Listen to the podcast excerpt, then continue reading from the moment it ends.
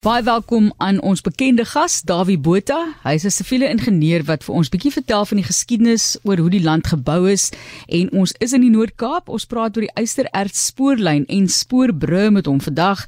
Hy was onder andere vir 19 jaar die uitvoerende direkteur van die SA Instituut vir Siviele Ingenieurswese en hy is ook betrokke by die Nasionale Wetenskap en Tegnologie Forum. Hy is daar as ingenieur tans mede-voorsitter van Proset wat 'n onderafdeling is. Ons gesels oor die Noord-Kaap en baie baie interessant daai spoorlyn vir vervoer uitsluitlik vir ystererts 860 km lank, maar hy gaan vir ons meer daarvan vertel. Hoekom die spoorlyn en spoorbrug, Dawie? Goeiemôre Martelies. Ja, ons uh, land is 'n groot land met groot netwerk van spoorlyne en ons gaan nou nou 'n bietjie oor daardie spesifieke lyn uh, praat. Maar die hartseer is natuurlik daar loop nie meer so baie treine nie. Nou, ons het so rukkie terug oor die Steenkool uh, spoorlyn ook gepraat daar na Richards Bay toe. Maar nou is hierdie verskynsel van spoorwegvervoer wat nie meer so baie gewild is nie reg oor die wêreld 'n uh, verskynsel. Maar om te dink 'n mens kan swaar produkte soos erts en steenkool per pad vervoer is onsinnig alhoewel ons sien nogal daarvan daar veral uh, op die Hoëveld. Maar so hier en daar is daar dan 'n liggie aan die einde van die tonnel.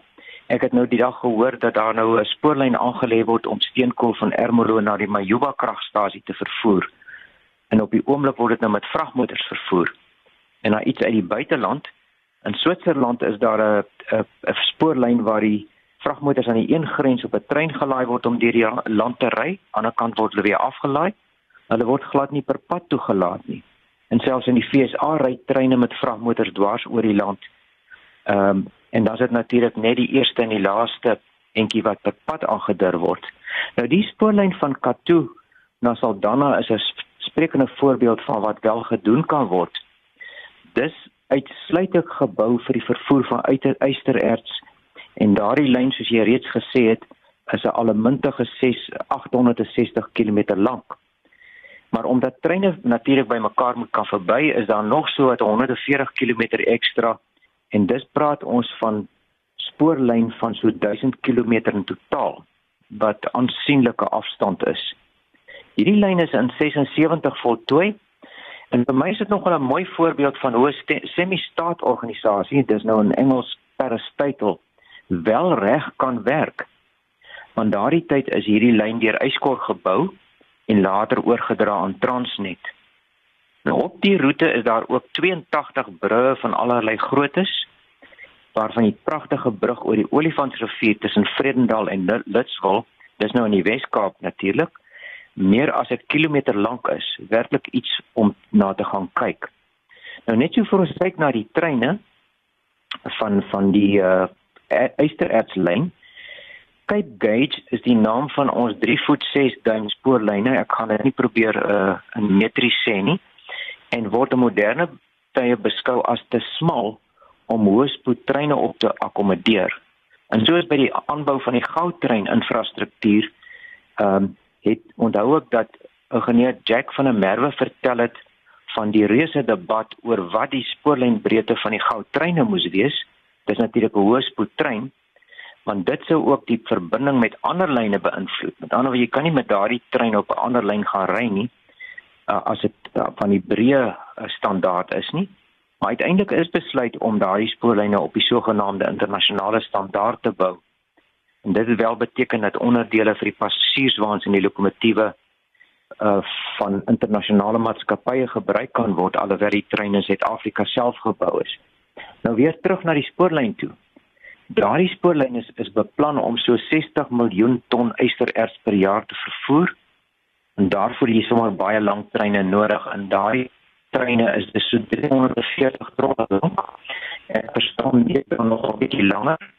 En elkeen van daai trokke dra 100 ton ystererts. Dit beteken dat daar elke jaar 600 000 trokke erts oor daai spoorlyn loop om by die 60 miljoen uit uit te kom en daardie 60 miljoen ton dan by Saldanha te kry.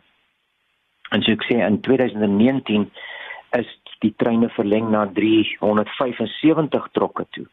Nou moet ek sommer net hier invoeg, ek praat nou van trokke. Uh mense praat partymal van 'n passasierswa op 'n trein as 'n trok, maar dis natuurlik 'n passasierswa of 'n rytuig en nie 'n trok nie. Maar ystererts en goedere word wel in trokke vervoer. In Engels praat ons van coaches en railway trucks. Dan nog so ietsie oor hoe bedryf nie so lank trein. Nou die spoorlyn loop uiteraard opdraande en afdraande en dis 'n getrek opdraande en 'n gestoot afdraande. Maar wat nou as een deel van die trein afdraande loop en die ander een loop opdraande? En daar om daarmee te help, word hierdie lokomotiewe op verskeie plekke in die trein geplaas. En in plaas van treindrywers in elke lokomotief wat natuurlik 'n redelike chaos kan afgee, is daar afstandberadiobeheerde stelsels wat die kragverspreiding in daardie lokomotiewe reël. Dit wil sê hulle kan afsonderlik gestel word om te trek of te stoot of te help rem. Dus beheer een drywer en sy assistent hierdie reuse lange trein met 'n mengsel van elektriese en diesel-elektriese lokomotiewe. Nou vir die van u wat nie weet wat 'n diesel-elektriese lokomotief is nie, dis eintlik maar 'n groot dieselkragopwekker op wiele wat dis nie 'n oorhoofse kraglyn nodig het nie. Maar op hierdie treine word 'n mengsel gebruik. Nou volgens my bronne is hierdie treine die heel langste ter wêreld. Maar miskien net om 'n bietjie spogrig te wees, ons hou mos van rekords. Is daar in 1989 'n ekstra lang trein saamgestel en daarmee is die wêreldrekord vir die sogenaamde Cape Gauge spoorlyne opgestel. Daardie trein was 660 trokke en 60 lokomotiewe moes hom trek en stoot. Daardie trein was 'n volle 7 km lank.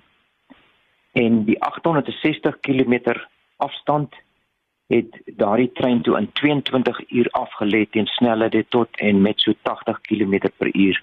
Dit moes werklik iets gewees het om te sien. Ek wens ek was daar. Maar dit my ook laat wonder, is daar nie nou 'n toeriste mark wat nog soos Eystererts ontgin kan word nie? Miskien kan 'n mens 'n passasiersrytuig of twee agter aan daardie treine haak, want ek kan my voorstel dat 'n mens 'n baie vredige dag en nag kan deurbring as jy so teen 'n rustige pas oor die vlaktes in verby die Noord-Kaap so by koppies kan ry. Nou ten einde dan ook net hierdie spoorlyn is ook later uitgebrei na Posmasburg se kant toe, sy nou nog langer. Maar vir eers fluit fluit. My storie is uit oor die Eystererts spoorlyn.